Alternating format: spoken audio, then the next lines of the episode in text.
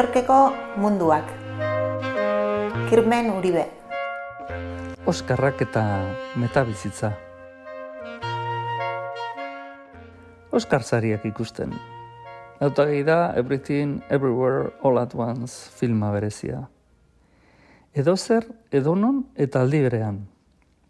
Gure gaur eguneko bizitzaren lema ematen du izenburuak. Bizi baikara toki batetik bestera, sarean eta mundu fisikoan barrena galduta, iragana oraina eta etorkizunaren artean. Pelikulan, Evelyn izeneko emakume batek gainbera doakion bizitzari buelta emango dio unibertsot digitalean. Han beste pertsona bat da. Han nor da bizitza errealean ausartzen ez dena egiteko. Filma horren arira, kontu hobetan aditu lagun batek esan zidan gauzak asko aurreratu direla orden nagailuaz araindiko unibertso paraleloan. Edo zer dago eta ondorioz, edo zer eros daiteke. Marka handiek tokia hartu dutela esan zidan. Izan ere, gure itxurakoa den abatar batekin ibili behar gara han, eta gure irudia den marrazki bizidun horrek, ba, ezin du edo zelan jantzi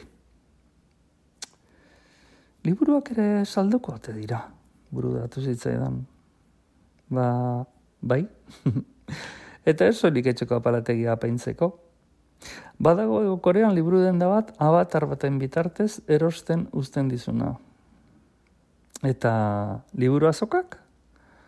Ba horiek ere bai. Esate baterako, Chicagokoan, zure panpintxo virtualarekin ara agertu eta liburu erostea duzula aurkitu dut.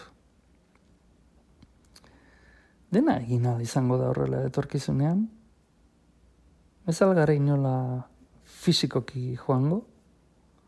Eta errealitatea asmatzea badago utopiak ere ahal izango dira han eraiki. Solikan. Durangoko azoka, etorri zaiburura. Azoka paralelo horretan ze zapore izango du palentinoko patata tortilla pintxoak. Eta urtean behin ikusten dituzun sortzaileak bezarkatzea, ei, hori nolakoa izango te da. Ez dakipa.